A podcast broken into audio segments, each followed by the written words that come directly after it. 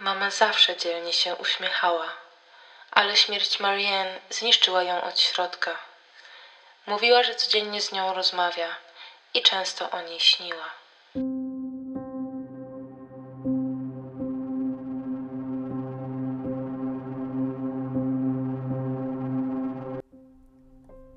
Dzień dobry.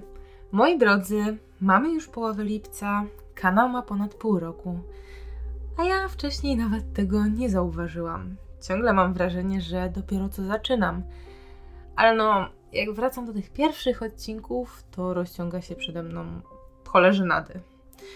No ale trochę jednak ten kanał się od początku istnienia pozmieniał. Na przykład nie wiem, czy wszyscy śledzicie moją zakładkę społeczność, ale ostatnio udostępniłam tam nową grafikę kanału. Nareszcie jest taka, jak chciałam, także dajcie znać, które zmiany są dla Was na plus. E, dodatkowo jeszcze mm, w zeszły weekend dodałam filmik mini, taki mini zwiedzanie po opuszczonym miasteczku w Belgii, także dla ciekawskich zapraszam do odwiedzenia kanału na YouTube. I to w sumie chyba tyle, co chciałam Wam powiedzieć. Jakoś tak przełamać pierwsze lody w tym odcinku. Nie. Jeszcze jedno. Dla słuchaczy na Spotify i Apple Podcasts y, do opisów odcinków w tych aplikacjach wrzucam hiperłącze do grupy na Facebooku, żeby było łatwiej Wam ją znaleźć. Także też zapraszam do dołączenia. A teraz już, że tak powiem, lecimy z tematem.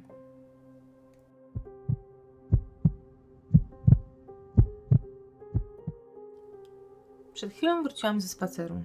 Miałam chwilę na przemyślenia. Na dworze jest teraz lekki wiaterek i to on wprowadził mnie w stan zadumy. Wiatr w tej historii odgrywa spore znaczenie.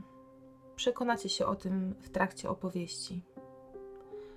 A o czym ona jest? Temat dzisiejszego odcinka opowiada o przyjaźni, którą można byłoby podsumować słowami: Póki śmierć nas nie rozłączy, czy przyjaźń do grobowej deski.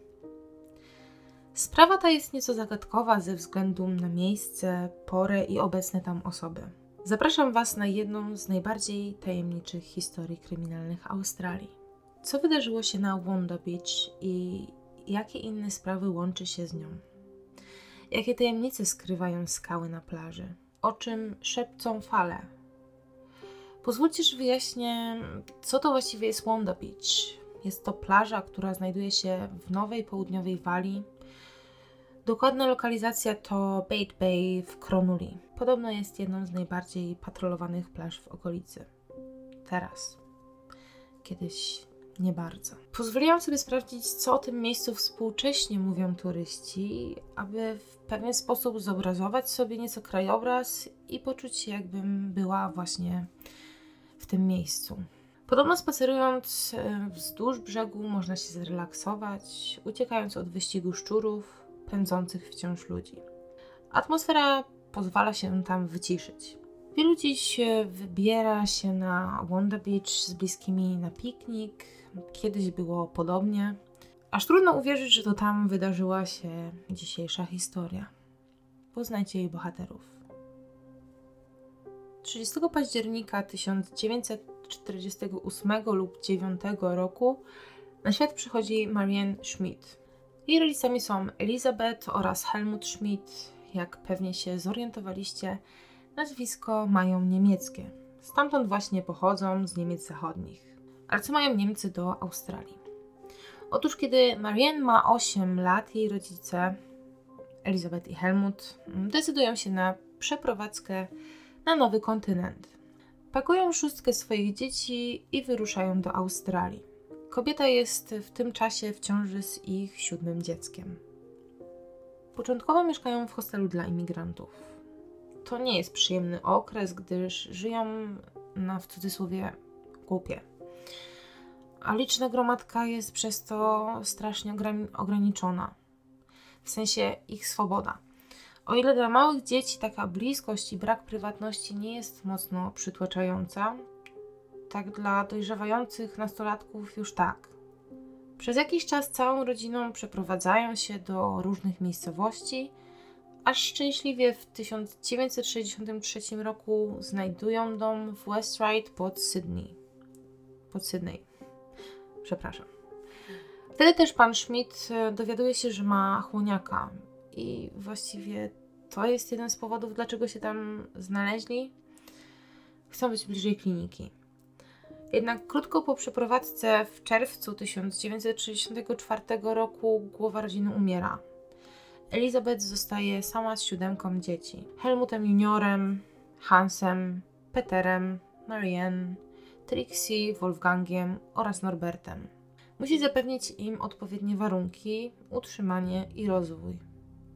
Ich sąsiadami są Jim i Janet Tay, którzy wychowują wnuczkę Christine Sharrock. Nastolatka zdecydowała się mieszkać z dziadkami zaraz po śmierci swojego ojca. Ma matkę oraz ojczyma, ale coś tam zwyczajnie nie gra. W 1963 roku, gdy pojawiają się nowi sąsiedzi, mieszka ona e, właściwie tam już e, z dziadkami 5 lat. Christine szybko łapie kontakt ze swoją rówieśniczką, nową sąsiadką Marianne Schmidt, a ich relacje pogłębiają się, gdy to Marianne traci ojca. Podobny wiek, podobne doświadczenia życiowe. No, stają się w pewien sposób nierozłączne, takie dwie papuszki, jak to się mówi.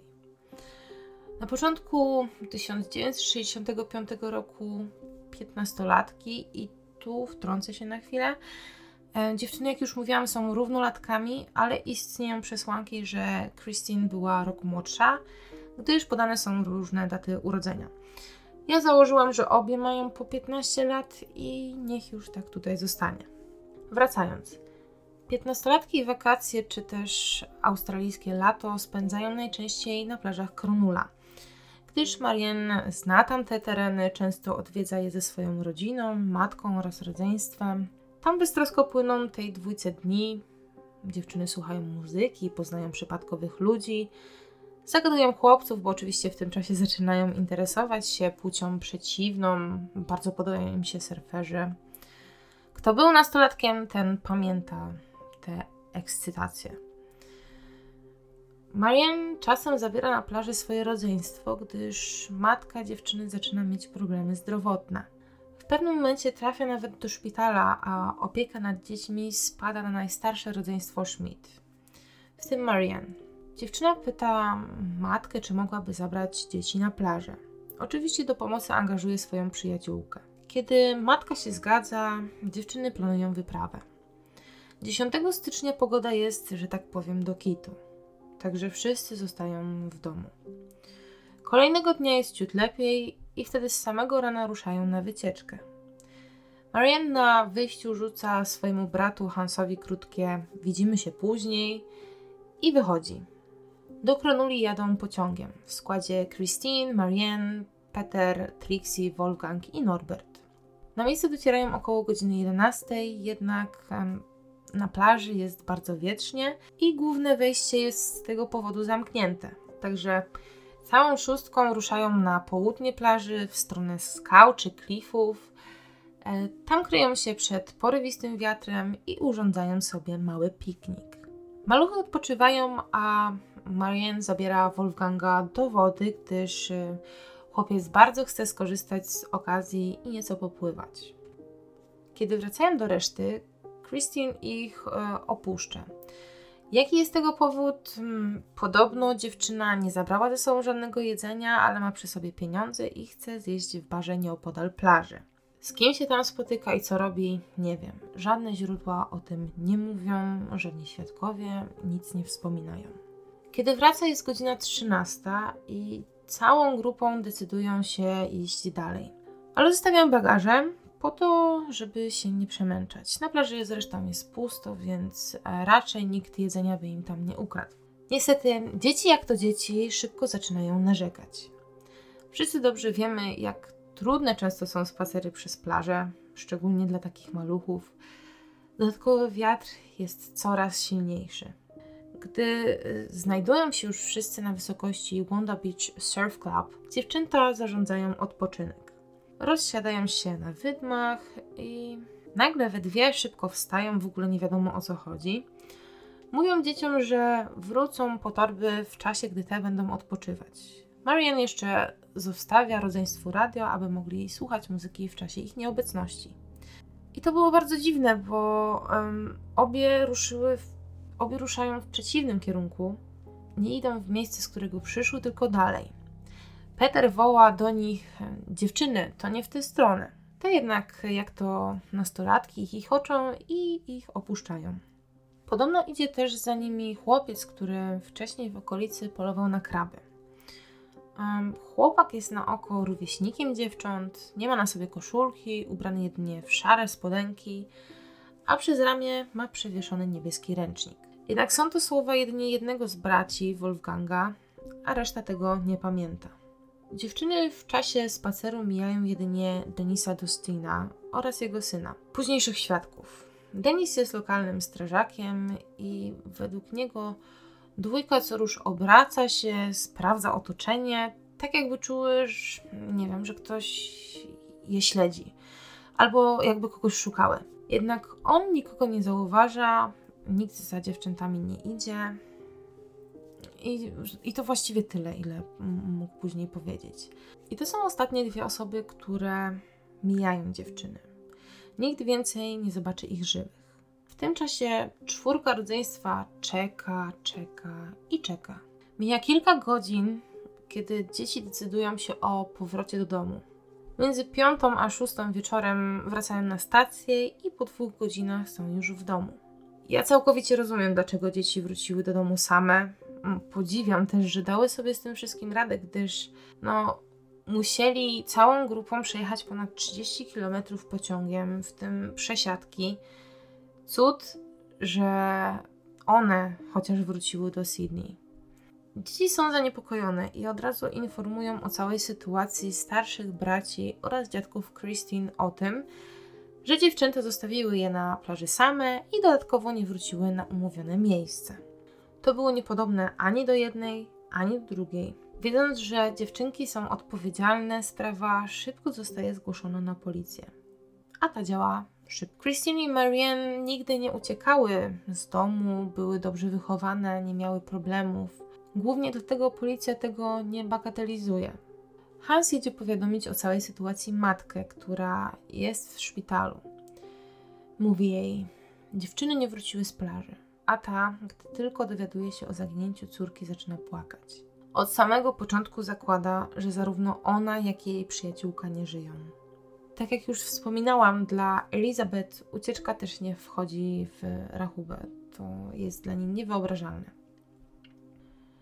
W zależności od źródeł, rankiem lub po południu kolejnego dnia, czyli 12 stycznia, 17-letni Peter Smith idzie na spacer na plażę wraz ze swoimi bratankami. Decydują się ruszyć w okolice wydm na Wanda Beach. Chłopak w pewnym momencie dostrzega zakopanego w piasku manekina. Jednak podchodząc bliżej orientuje się, że to nie manekin, a pogrzebane ciało. Stwierdza to po odsypaniu części piachu. Szybko się wycofuje i biegnie wraz z bratankami do Wanda Beach Surf Club, a stamtąd już dzwoni na policję i informuje o znalezisku. Początkowo wszyscy myślą, że w piachu znajduje się jedno ciało, ale szybko zauważają nie dwie, a trzy stopy. Wszystko staje się jasne. Zaginione dzień wcześniej dziewczynki właśnie się odnalazły. Niestety, tak jak przypuszczała matka jednej z nich, martwe. Ciała leżą blisko siebie, Marianne leży na prawym boku ze zgiętą lewą nogą, natomiast niżej Christy twarzą do ziemi, obok lewej nogi jej przyjaciółki. Teraz opiszę Wam obrażenia dziewczyn. Jeśli ktoś nie lubi aż tak dosadnych opisów, daję teraz chwilę na przesunięcie. Obie dziewczyny mają porościnane stroje kąpielowe. Stąd przypuszczenie, że ktoś próbował lub wykorzystał je seksualnie. Według dochodzeniowców Marianne zginęła pierwsza, ale Christine musiała być w tym czasie ogłuszona. Na jej głowie widnieje ślad po uderzeniu. Później lekarze potwierdzają pęknięcie czaszki. Dziewczyna musiała na chwilę stracić przytomność i wtedy zaatakowana została Marianne. Kiedy napastnik ją mordował, Christine ocknęła się i próbowała uciec. Świadczą o tym ślady na piasku. Jeden długi ślad ciągnięcia po tym, jak już ją zamordował. Potem rzucił na czy też obok ciała przyjaciółki. Jak pewnie się domyślacie, miejsce odnalezienia zwłok jest miejscem zamordowania dziewczyn. Obie mają wiele ran kłutych na ciele. U Marianne śledczy doliczają się między 25 a 30 ran. Świadczy to o ogromie brutalności, jakiej dopuścił się morderca. Jeden z ciosów został jej wymierzony prosto w serce. Dziewczyna ma też podcięte gardło i to tak mocno, że jej głowa zostaje praktycznie odcięta. Na tej chwili nie wiadomo, czy morderca podciął jej gardło zanim zmarła, czy może ciosy nożem doprowadziły do jej śmierci. Nie wiadomo też, dlaczego to zrobił. Może chciał tę głowę naprawdę odciąć, ale wychodzi na to, że Marianne odniosła dużo więcej obrażeń niż Christine. Ogólnie ciała są w takim stanie, że wyniki sekcji zwłok nigdy nie zostały w całości opublikowane. Opisy są zbyt brutalne. Możliwe, że jest też w tym wszystkim coś, o czym wiedzieć może jedynie morderca, i policja nigdy nie wyjawiła wszystkich detali, aby mm, przyłapać kogoś w trakcie zeznań. Wiecie o co chodzi. Taki jeden detal, który potrafi wywrócić wszystko do, do góry nogami. Wiadomo, że osoba, która zaatakowała nastolatki, próbowała je zgwałcić. Na miejscu, na ich ciałach, na ich ciuchach odnalezione zostają materiały DNA, takie jak chociażby sperma. Podczas badań okaże się, że do gwałtu jednak e, nie doszło. Obie chwili śmierci wciąż były dziewicami. Wychodzi na to, że morderca zadowolił się zbrodnią, jaką popełnił. Kiedy śledczy badają miejsce zbrodni, zauważają, że gdy Christine była ciągnięta, morderca musiał zrobić kilka przystanków. Świadczą o tym ślady krwi, miejscami jest ich zwyczajnie więcej. W związku z tymi wskazówkami zakładają, że napastnik musiał być mały, niezbyt silny, gdyż e, odległość, e, jaką miał do pokonania, była niewielka, a on i tak nie dał sobie rady z przeniesieniem szczupłej dziewczyny naraz. Dodatkowo snują smutną historię o tym, że w dniu morderstwa wiatr był tak silny, że nieważne jak głośno dziewczęta krzyczały, ich wołanie o pomoc było zagłuszone właśnie przez ten wiatr. Nikt nie był w stanie zareagować. Tym bardziej, że tego dnia na plaży było bardzo mało spacerowiczów. Podczas sekcji okazuje się, że Christine jadła tego dnia inne potrawy niż te opisywane przez świadków, tudzież rodzeństwo Schmidt. Wiemy oczywiście dlaczego. Odłączyła się ona przecież na chwilę od całej reszty. Jednak w jej ciele odnajdują też niewielkie ilości alkoholu. I tu zakłada się, że piętnastolatka tego dnia spotkała kogoś, kto poczęstował ją właśnie alkoholem. E, dziewczyna ma we krwi mniej niż pół promila, nie wiem ile dokładnie, ale naprawdę bardzo, bardzo mało. Chyba mniej niż jedna dziesiąta promila nawet. Możliwe, że podczas samotnego wypadu w barze wypiła piwo lub słabego drinka. Nikt jednak tego nie potwierdza, bo też nikt jej nie pamięta. Policja przeszukuje wydmy, przekopuje piasek, szukają jakichkolwiek wskazówek, a przede wszystkim narzędzia zbrodni. Niestety na marne. Faktycznie znajdują lekko zakrwawiony nóż, ale nie są w stanie powiązać go ze sprawą. Niedaleko znajduje się, znajdują się też ślady opon, ale dalej jedno wielkie nic. Rodzeństwo Schmidt zostaje przesłuchane przez policję i aby dostać się na komisariat muszą wejść tyłem. Gdyż pod budynkiem no, gromadzi się spora grupa dziennikarzy, wszyscy są godni jakichś informacji, a dzieci są tak spanikowane, e, są przestraszone, straciły siostrę i dodatkowo muszą jakimś obcym ludziom złożyć zeznania. Wolfgang opowiada oczywiście o tajemniczym chłopaku, o wyglądzie surfera, bo chyba tego nie wspomniałam, albo może wspomniałam, teraz już nie wiem. E, Peter natomiast mówi, że jego siostry i koleżanki same oddaliły się od nich i to w przeciwnym kierunku do skał, gdzie zostawili wcześniej torby. Trixie nakierowuje policjantów na inny trop. Mówi o chłopaku, z którym dziewczyny rozmawiały w pociągu. Tu jednak nie dało się nic potwierdzić. Faktycznie pojawiła się taka postać, ale ten podobno wysiadł kilka przystanków wcześniej. Nie znaleziono ani jednego świadka, który potwierdziłby, że chłopak ruszył dalej za grupą. Śledczy skupiają się na nastolatku z plaży. Mm, problem pojawia się, gdy opis chłopaka pasuje do 90% społeczeństwa. to może być tak naprawdę, to mógł być naprawdę każdy. Kolejny punkt zaczepienia to napaść o podłożu seksualnym kilka dni wcześniej. Ratownik z plaży Wanda e, potwierdza zajście, w którym udział brał niezidentyfikowany mężczyzna. Sam osobiście go wyprowadził. No szkoda tylko, że nie zostały wezwane żadne służby, że nikt go nie wylegitymował. To jest też dla mnie trochę dziwne, ale no nie żyłam w latach 60., nie wiem jak to kiedyś było. Zostaje wyznaczona nagroda w wysokości 10 tysięcy australijskich funtów za jakiekolwiek informacje. Po przewalutowaniu na dolar australijski nagroda wynosi 20 tysięcy. Pojawiają się telefony z wszelkimi informacjami, jednak nigdzie te tropy śledczych nie prowadzą. No, działają na każdym polu, przesłuchują też rekordową wtedy liczbę osób, bo aż 7 tysięcy ludzi. Policja uważa, że zabójca dziewcząt jest nałogowym zabójcą. Mm, nie wiem, jak to ująć inaczej, ale twierdzą, że aby osiągnąć satysfakcję, musi wyjątkowo brutalnie skrzywdzić swoją ofiarę, odbyć z nią stosunek seksualny, ma taki swój rytuał. Jeśli go nie złapiemy, może znów zaatakować, mówi Haynes, jeden ze śledczych. I słowa mundurowego są w pewien sposób prorocze, gdyż rok po morderstwie dziewczynek 29 stycznia ciało Wilhelminy Kruger zostaje odkryte w sklepie masarskim przez jednego z pracowników. Will jest, czy też była sprzątaczką. Ciało denatki mm, jest okaleczone. Widnieje na nim wiele ran kłutych i też e, widać, że kobieta ewidentnie była duszona. Wilhelmina została uprzednio obnażona i no to wszystko jest takie bardzo podobne do wydarzeń z Wanda Beach. Sklep znajduje się w miejscowości Wollongong i to jest stosunkowo niedaleko od właśnie Cornwall Wanda Beach i no tak jak mówiłam, ze względu na obrażenia zadane kobiecie to, to jest e, zwyczajnie powiązane z tym poprzednim morderstwem.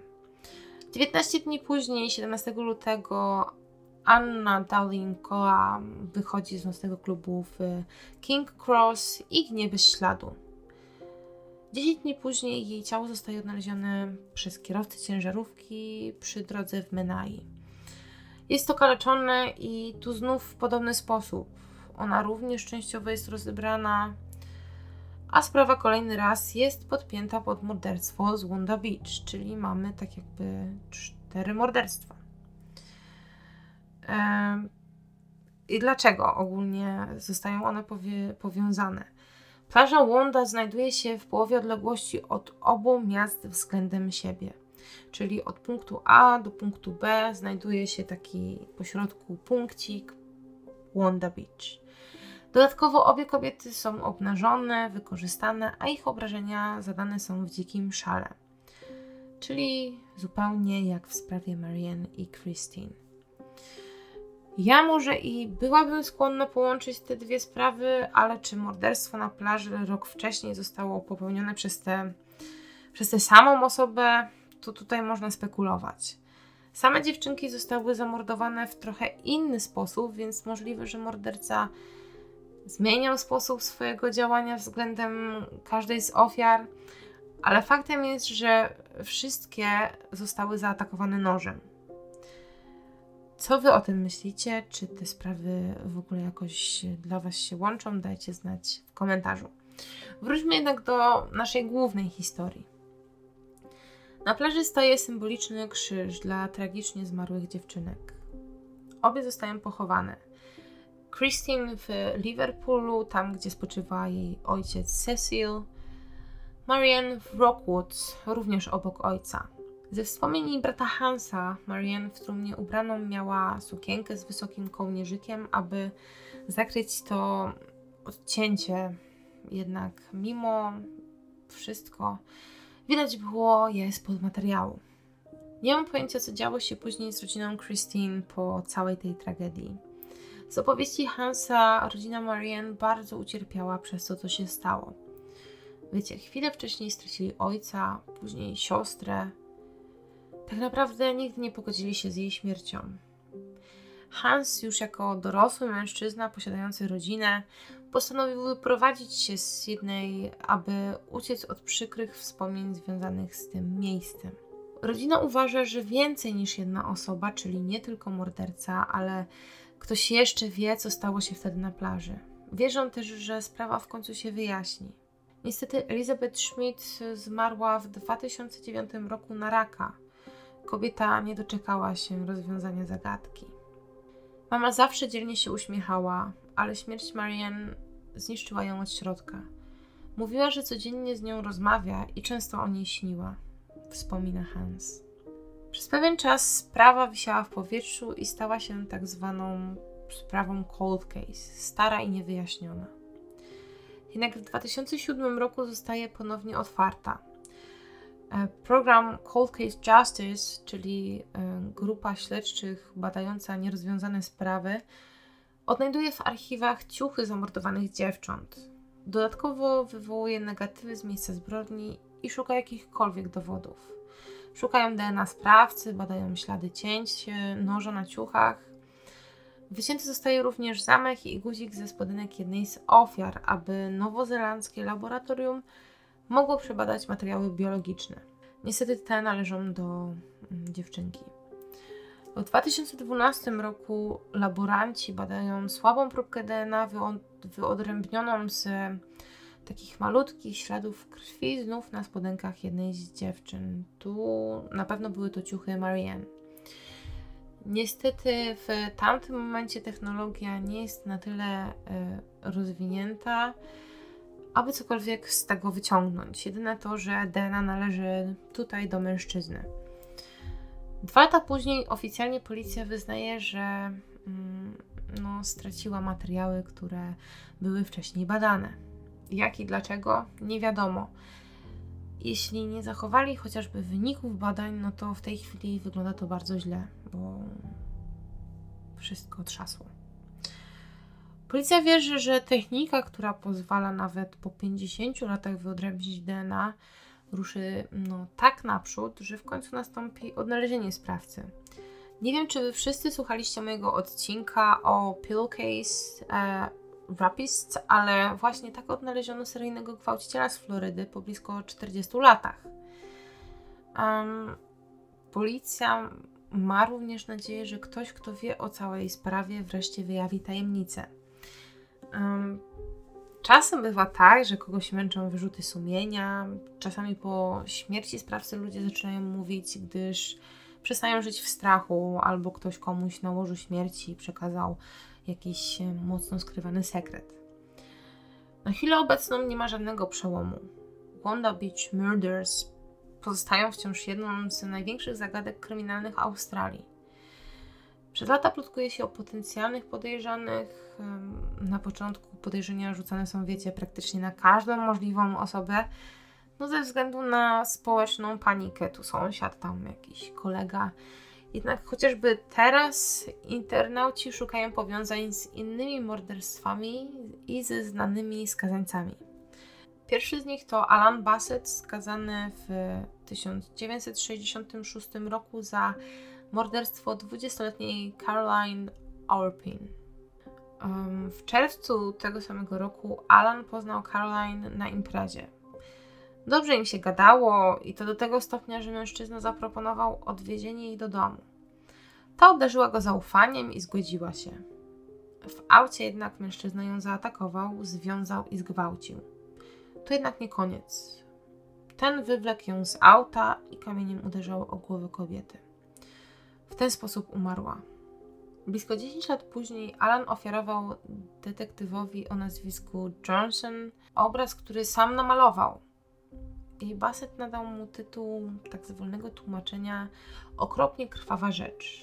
I według detektywa scena bardzo przypominała tę z plaży Wanda.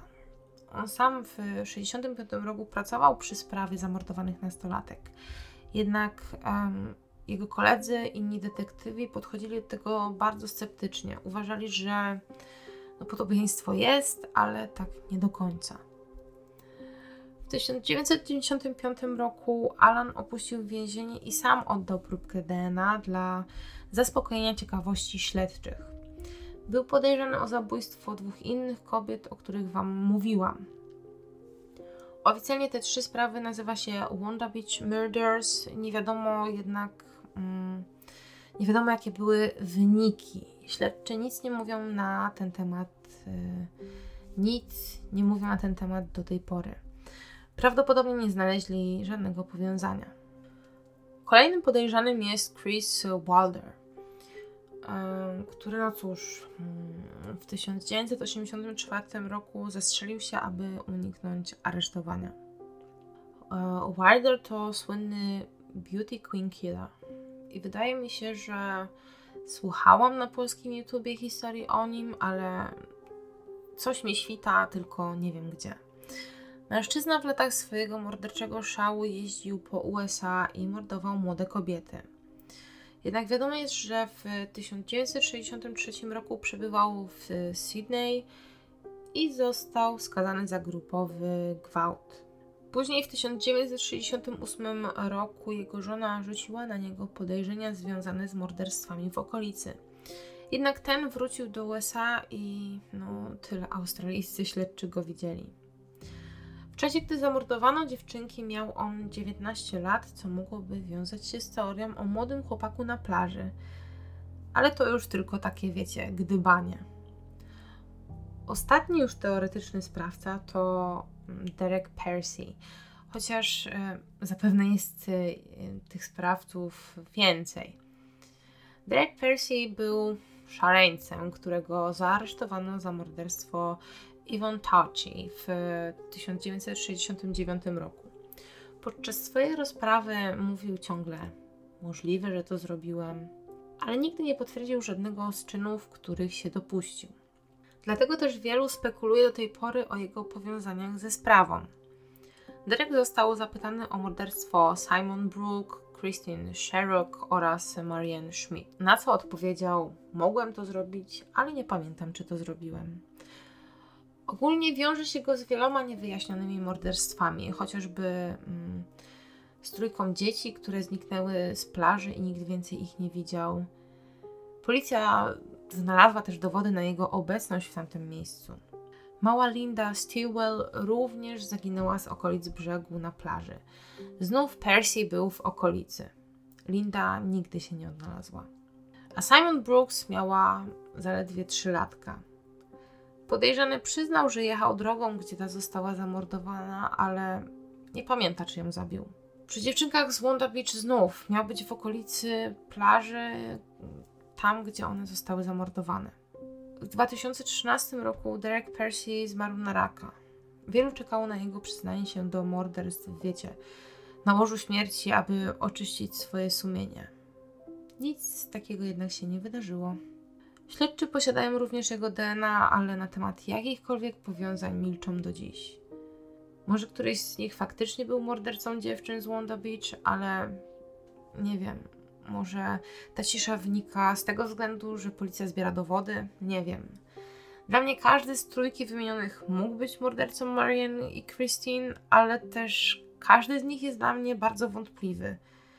Możliwe, że gdzieś jest jeden lub więcej e, sprawców tej zbrodni.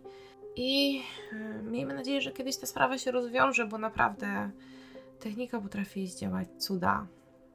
Zastanawiam się, co wy o tym myślicie, bo tutaj historia dobiega oczywiście końca.